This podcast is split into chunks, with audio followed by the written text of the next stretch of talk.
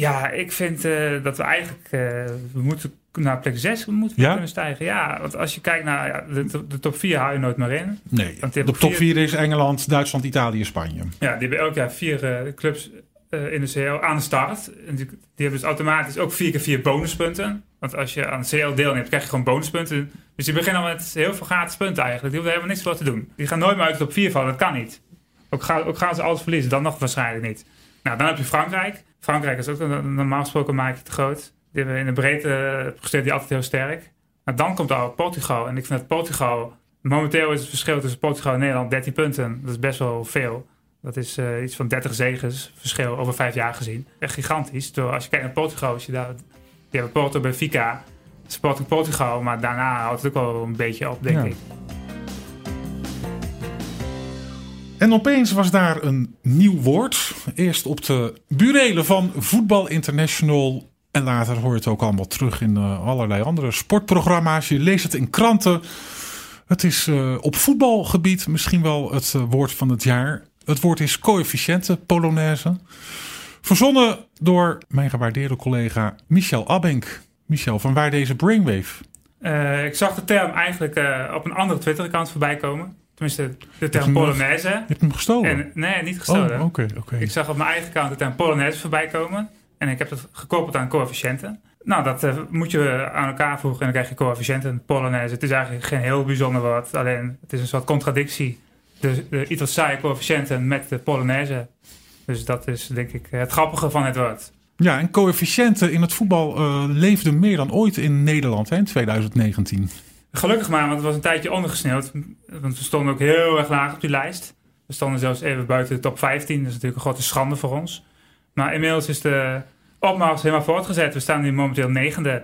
En we kunnen nog eh, naar plek 8 stijgen. Dus wat dat betreft is het wel goed dat er nu extra aandacht is gekomen voor de coëfficiënten, denk ik. Ja, misschien moeten we eens even de geschiedenis van de coëfficiënten eh, schetsen. De geschiedenis van de coëfficiënten. Ja. die begonnen denk ik gewoon, ik weet niet zeker, maar die begonnen denk ik in 1955 bij de eerste editie Ja. van Europa Cup 1. Ik heb geprobeerd dat op te zoeken, maar ik kon dat inderdaad ook niet vinden wanneer dat begonnen Maar ja, vroeger was het natuurlijk heel simpel. Bij de Europa Cup 1 had je één kampioen per land dat mocht Ja. deelnemen. En de UEFA Cup had je vaak twee of drie tickets. Europa Cup 2 had je alleen maar de bekerwinnaar. Dus vroeger was het ook niet echt een dingetje. Het is pas een dingetje geworden toen ook de nummer 2 en de nummer 3 en later de nummer 4 ook, ook aan de CL eh, mochten deelnemen. Vanaf 1997, 98 eigenlijk dus. En toen is de aandacht ook eh, eh, wel flink toegenomen daarvoor. Ook in de VI zag je toen dus elke week een stand. Dat is inmiddels ook weer ingevoerd gelukkig dit jaar door de hoofdredactie. Een goede zet was dat. Maar ja, die aandacht die- ja, is dus wel helemaal toegenomen daardoor, denk ik. Hoe werkt het? Hoe werkt het? Ja, heb je een anderhalf uur de tijd? Ja. Lastig is het, hè? Het is, een, nou ja, het is niet heel lastig op zich. Je moet er één keer heel goed induiken en dan vergeet je het nooit. Nou, tenminste, je moet elke maand eigenlijk doen om je kennis weer een beetje te verfrissen. Eh, het werkt zo, eh, elk land heeft natuurlijk een aantal clubs per seizoen. Het gaat over de afgelopen vijf jaar. Ja. Dus de- we staan nu negende, maar het is op basis van de resultaten vanaf 2015, 2016. Ja. Tot en met het lopende seizoen, dat is 2019, 2020. Nou, eh, elk jaar hebben we een aantal clubs die we mogen inschrijven. Nou, dit jaar zijn dat er vijf. Eh, FC Utrecht, AZ, Ajax, PSV en Feyenoord. En al die clubs pakken punten of ze pakken geen punten. Zoals FC Utrecht dit jaar, die hebben het eh, verschrikkelijk slecht gedaan. Met een heel grote gevolgen eigenlijk voor de coëfficiëntenlijst. Ajax heeft net als vorig jaar de meeste punten binnengehengeld, 14 punten. Alles bij elkaar staan we nu op 43. En dat eh, aantal moeten we delen door vijf. Want eh, er zijn eh, vijf clubs dit seizoen voor ons. Nou, als je dat eh, door elkaar deelt, dan krijg krijg je een score, een coëfficiënt. En onze huidige coëfficiënt van dit seizoen is 8,6. En vorig seizoen ook 8,6. Het jaar daarvoor hadden we uit mijn hoofd 2,9. Als je die scores van de laatste vijf jaar bij elkaar optelt, dan krijg je een totaalscore. En dat is dan weer de coëfficiëntenlijst. Die eh, scoren over de laatste vijf seizoenen. Eh, onze huidige score is 34,950.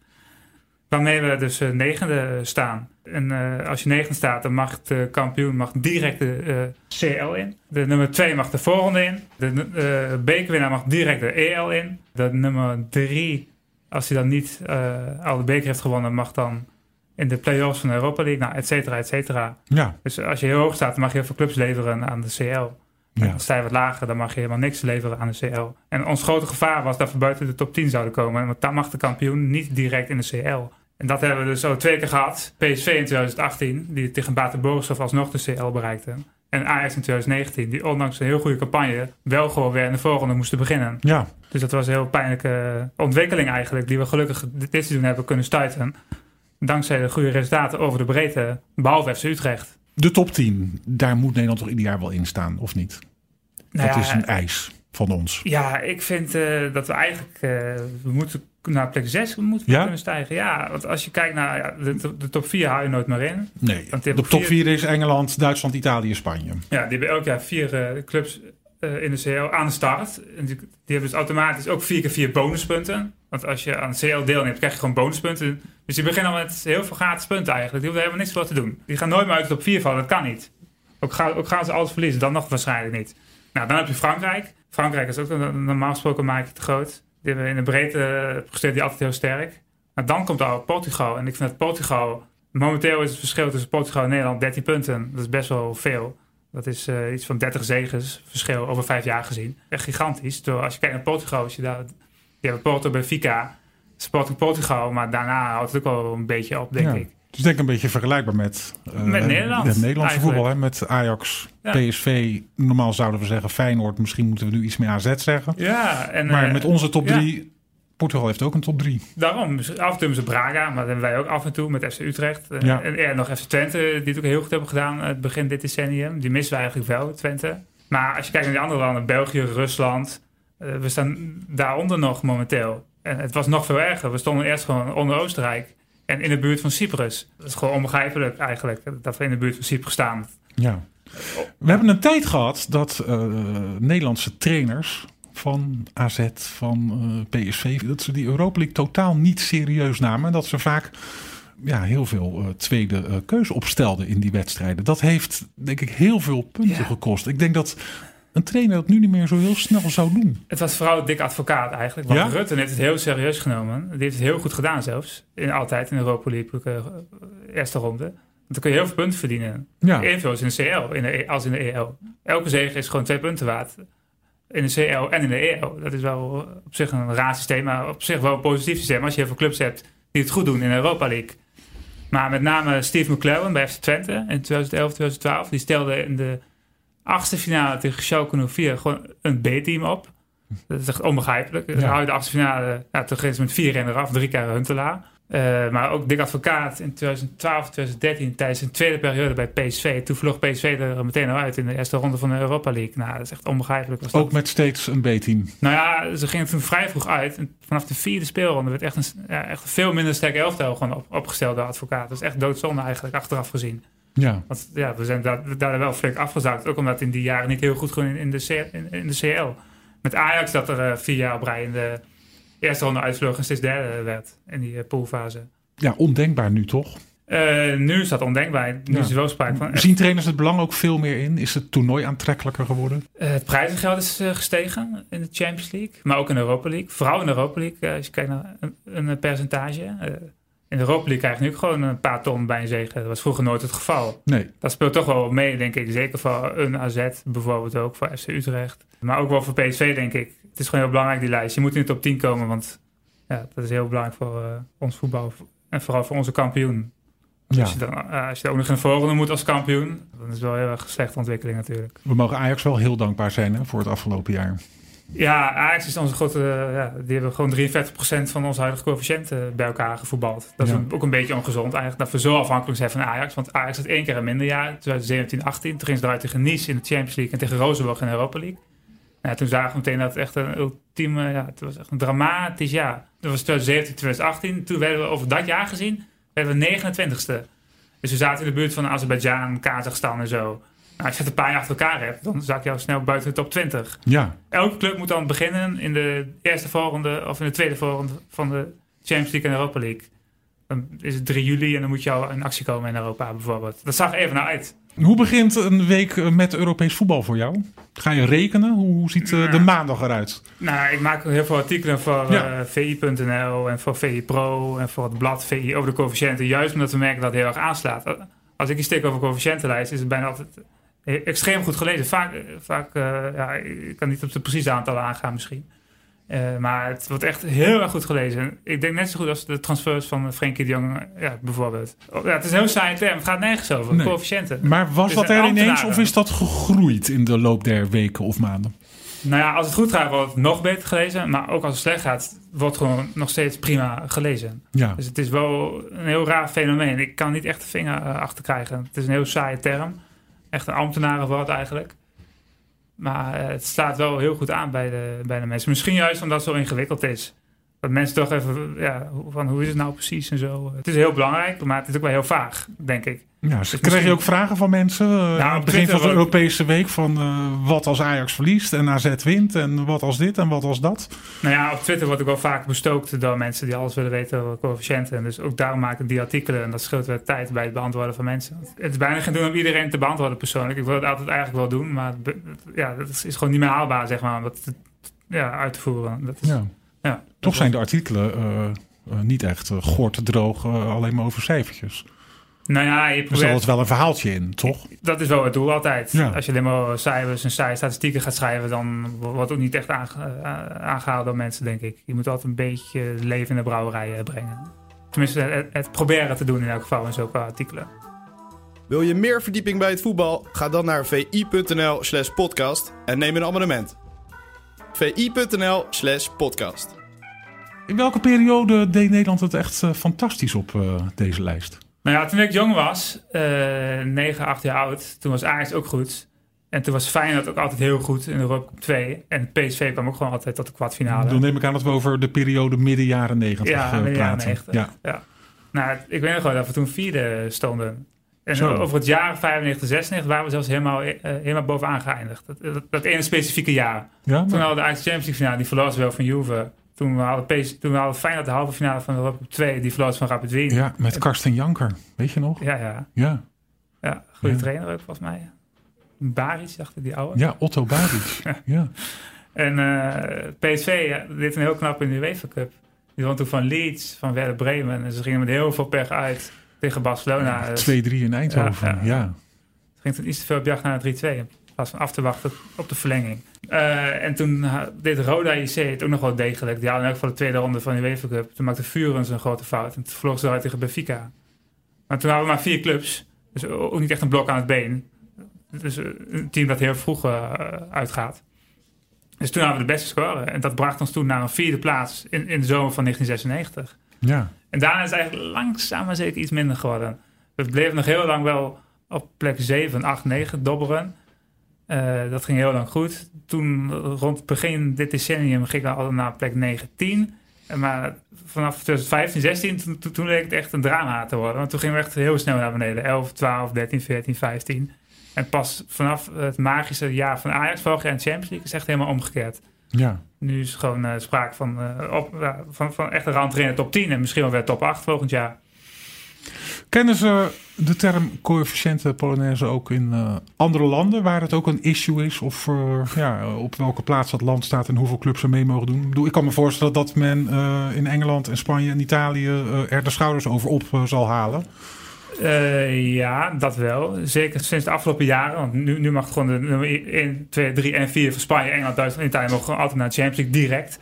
Maar vroeger was het altijd wel spannend, want toen was het alleen maar voor eh, de top 3 en niet voor de nummer 4. Dus toen was altijd een beetje stuivertje wisselen tussen Duitsland en Italië. Ik weet nog wel dat in Kieker, het, eh, het Duitse equivalent van Voetbal International, was altijd een beetje de vraag of, nu, of ze nu vierde of derde zouden staan. Maar in andere landen, nou, in België leeft het wel een beetje. Het heeft, ook te maken met de strijd met Nederland natuurlijk. Hè, want België staat nu achtste vlak boven Nederland. Dat is natuurlijk wel een beetje interessant om te blijven volgen. Maar eigenlijk maakt het niet uit of je nu achtste staat of negende. Het echte pakket is hetzelfde, zeg maar, voor alle clubs. En in andere landen, ja, Oostenrijk eh, besteedt heel veel aandacht aan. Want Oostenrijk is ook altijd een beetje tussen plek 10 en plek 13. Ja, Dat zijn belangrijke posities natuurlijk voor het aantal tickets dat je hebt. Maar in andere landen merk ik het niet echt. Ja, een beetje in Schotland, die zijn ook bezig aan een heel goed seizoen. Dit jaar met Celtic en, eh, en Glasgow. Officieel Rangers FC nu. Die doen, die doen dit jaar bijna net zo goed als Nederland.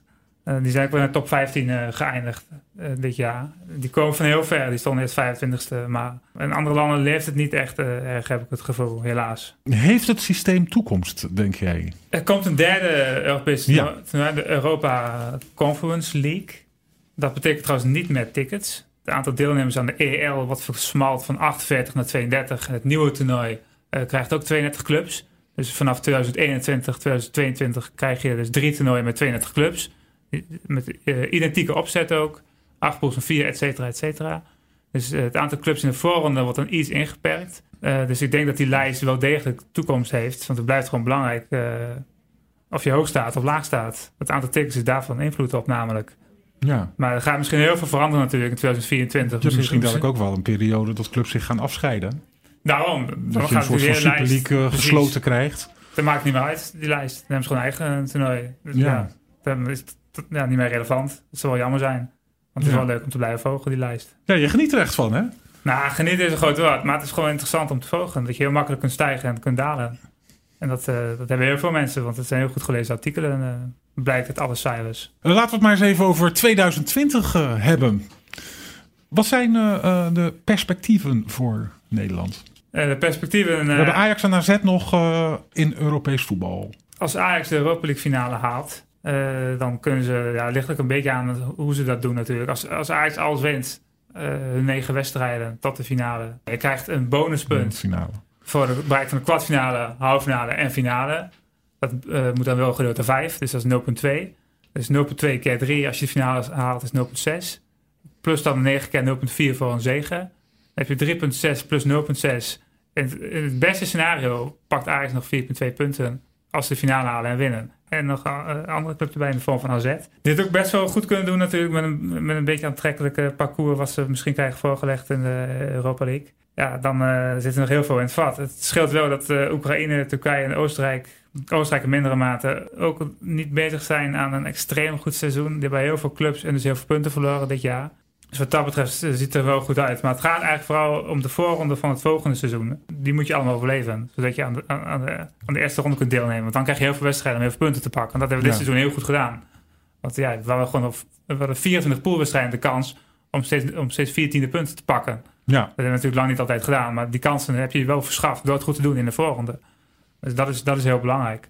Dus het gaat vooral om wie Europa ingaan, denk ik, namens ons.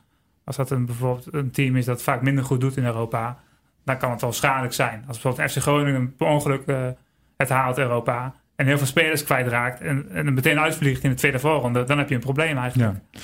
Ben jij blij met uh, play-offs om Europees voetbal zoals we die in de Eredivisie kennen of niet? Want ja, dan heb je wel eens een, uh, een toevalstreffer, hè? Uh, ja, dat is al een paar keer gebeurd. Ja, ik ben niet heel blij mee. Want ik ben ook een beetje ouderwets wat dat betreft. Het gaat om de, om de eindstand naar 34 wedstrijden, denk ik vaak. Om promotie-degradatie vind ik anders eigenlijk. Ja. Dat is echt heel erg spannend en aantrekkelijk. Ook altijd uitverkochte stadions. Maar die play-offs, oh, oh, ja, die leven niet echt om, uh, om het echte EL-ticket. Uh, als je kijkt naar het aantal toeschouwers dat, dat, dat, dat erop afkomt, vaak niet eens uitverkocht. Bijvoorbeeld eh, bij Vitesse was gewoon één groot drama eigenlijk. Ja. Als je kijkt naar de opkomst. Maar ze kunnen dus ook negatieve gevolgen hebben voor de coëfficiëntenlijst. Omdat misschien niet de sterkste, maar de gelukkigste ploeg Europa ingaat. Ja, dat is een beetje, een, beetje een loterij de EL-playoffs. Dus ja, het kan heel veel gevolgen hebben. Betreft. De laatste, ja, ja, wat mij betreft wel, ja. Gewoon echt de eindstand uh, erbij pakken. Dat gewoon, uh, ja. die gewoon hanteren. Oké, een club als FC Utrecht krijgt een standje van jou, denk ik? Ja, ja het was ook een beetje ongelukkig. Want de eerste wedstrijd tegen Mostar, die werd gespeeld onder 38 graden. Was het destijds, op die dag. Ja. Ja, dan kwam je ook niet echt uh, in je ritme, denk ik. Ze misten heel veel kansen. En in de terugwedstrijd maakte de keeper uh, blunder die inmiddels is gepasseerd. Jensen. David Jensen. Ja. Dus er zat ook wel heel veel pech aan die uitschakeling. Maar dat weet je als er over twee wedstrijden gaat natuurlijk. Wel heel, veel, heel zonde. als ze die ronde hadden overleefd, dan volgens mij tegen Malmö gemoeten. We waren toen ook niet in de beste periode Malmö. Dus voor je het weet sta je op de drempel van de groepsfase. ja. ja. Daar hebben we nu waarschijnlijk al België op die gezeten. Of misschien wel ingehaald al inmiddels. Wat zijn in 2020 uh, ja, de concurrenten voor Nederland als het gaat om punten? Nou, de concurrenten zijn vooral de, de, ja, België nog steeds. Hè, die staan nu vlak onder ons. Die gaan in 2015, 16 hadden ze 11 punten bij elkaar. Nee, uh, eh, 7 punten bij elkaar gevoetbald. Die gaan ze verliezen. Dat was best wel een goed jaar, gaan ze verliezen. Hoeveel gaan wij er verliezen? Wij gaan er minder verliezen dan België. Ja, dus in principe, alleen daarom ook, moeten België gewoon inhalen in 2020. Oekraïne gaat ook heel goede jaren verliezen. Die zijn sowieso een beetje een wak de laatste jaren natuurlijk. Ook met, met, met die spanningen in de politiek en zo. Dat gaat allemaal niet lekker. Eh, daardoor heel, heel, veel, heel veel goede spelers gaan ook weg uit Oekraïne. Dus Oekraïne, die staan nu vlak onder ons, maar die gaan nog veel verder onder ons komen. Die komen echt in een coëfficiëntencrisis de komende jaren. Uh, Turkije is dit jaar, een andere concurrent is dat. Turkije is dit jaar al bezig aan een slecht jaar. die moeten zich echt gaan herpakken volgend jaar. Nou, Oostenrijk kan een concurrent blijven. Maar die staan nu al op een redelijke achterstand. Dus ons perspectief is vooral, denk ik, plek 8, België. En dan, dan is het aardig je naar nummer 7, Rusland. Uh, die hebben ten nu 45 punten, wij 34. Dus we hebben gewoon 11 punten minder dan de Russen. En ook dat is zo'n land, ik denk echt, we moeten beter kunnen dan Rusland, denk ik. Op lange termijn. Waarom niet? Die hebben niet echt veel uh, echte uitschieters gehad de laatste jaren. Okay. Maar in de breedte die vaak wel iets beter dan wij. En dat is, dat is het verschil.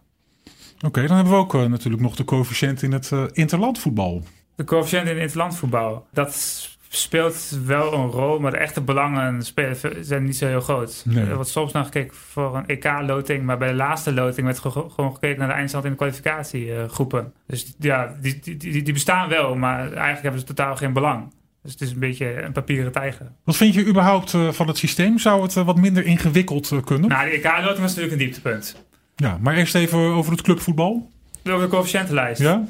De eh, laatste vijf jaar en verschil in punten voor deelnemers. Ja, ik zit, aan, ik zit er op de broeden, maar het is moeilijk om het makkelijker te maken. Je moet toch een paar bepaalde punten hebben. En die moet je toch delen met het aantal clubs. Dat is wel de meest eerlijke manier natuurlijk. Dus ik weet niet hoe, hoe snel het inzichtelijker eh, kan worden gemaakt. Maar een echt goede uitleg ontbreekt bijvoorbeeld op de site van de UEFA. Dat vind ik al een dingetje. Ja. Dus niemand weet echt precies hoe het zit. In een heel makkelijke in, in, drie of vier stappen. Gewoon stap één, dit werkt zo. Als je wint, dan gebeurt dit. Als je verliest, dan gebeurt dit. Je kunt stijgen, je kunt zakken. Dus ja, de afstand is misschien wel een beetje te groot tussen de UEFA en het publiek, zeg maar. Want je moet echt moeite voor doen om het te snappen. En dat vind ik slecht. Nou ja, nou ben jij in ieder geval eh, de campagne gestart om die afstand uh, te verkleinen. En dat uh, lukt volgens mij wel aardig, toch? ik doe mijn best. Ja. Net als iedereen bij Voetbal International. Om dat, goed, een beetje goed uit te proberen te leggen. Ja, dat klopt. Oké. Michel Abbenk, ben je tevreden over het coëfficiëntenjaar 2019? Ja, ik ben heel tevreden. Het begon natuurlijk met Ajax, de magische halve finale ja, dat moest ook wel gebeuren, want we waren eigenlijk bezig aan een heel slecht seizoen. Uh, 2018, 2019, Ajax heeft ons echt gered. Nou, toen kregen we een heel goede zomer, behalve FC Utrecht dan. Maar daar zijn goede verklaringen voor. Dat nog beter gekund, dat weten we. Alleen, ze hebben heel veel pech gehad uh, door rare dingen. Uh, en toen begon de, de, campagne in de herfst. Die begon heel erg goed. Met PSV dat twee keer won, Ajax dat twee keer won. Uiteindelijk allebei nog uitgezaakt in de groepsfase. Maar ondertussen wel heel veel punten binnengehengeld. En ook Feyenoord heeft het best wel goed gedaan eigenlijk. Uiteindelijk. Dus al met al, uh, als, als je een cijfer moet geven voor dit jaar, denk ik dat je aan de 8,5 en 9 zit. Zeker ten opzichte van het vorige jaar. We zijn gewoon weer terug. We staan weer op de kaart. Ook in een coëfficiëntenland. En dat is wel een heel, heel mooie ontwikkeling. Oké, en wordt het dan tenslotte lastig om uh, die trend in 2020 door te zetten? Uh, ik denk het niet. We hebben ons nu al gevestigd in de top 10. We hebben een aardig gaatje geslagen. Uh, we hebben twee overwinteraars. Dat zijn, dat zijn er meer dan de meeste landen om ons heen. Dus ik denk dat de taak voor 2020 en de jaren daarna is om aan te sluiten bij de top 6. Het moet gewoon mogelijk zijn om Portugal te pakken, om Rusland te pakken. En zeker België moet haalbaar zijn. En dan staan we een beetje waar we stonden uh, in de jaren 90, zeg maar. Halverwege de jaren 90. Ik uh, wens jou veel mooi rekenwerk toe, ook in 2020. Nou, bedankt. We gaan ons best doen.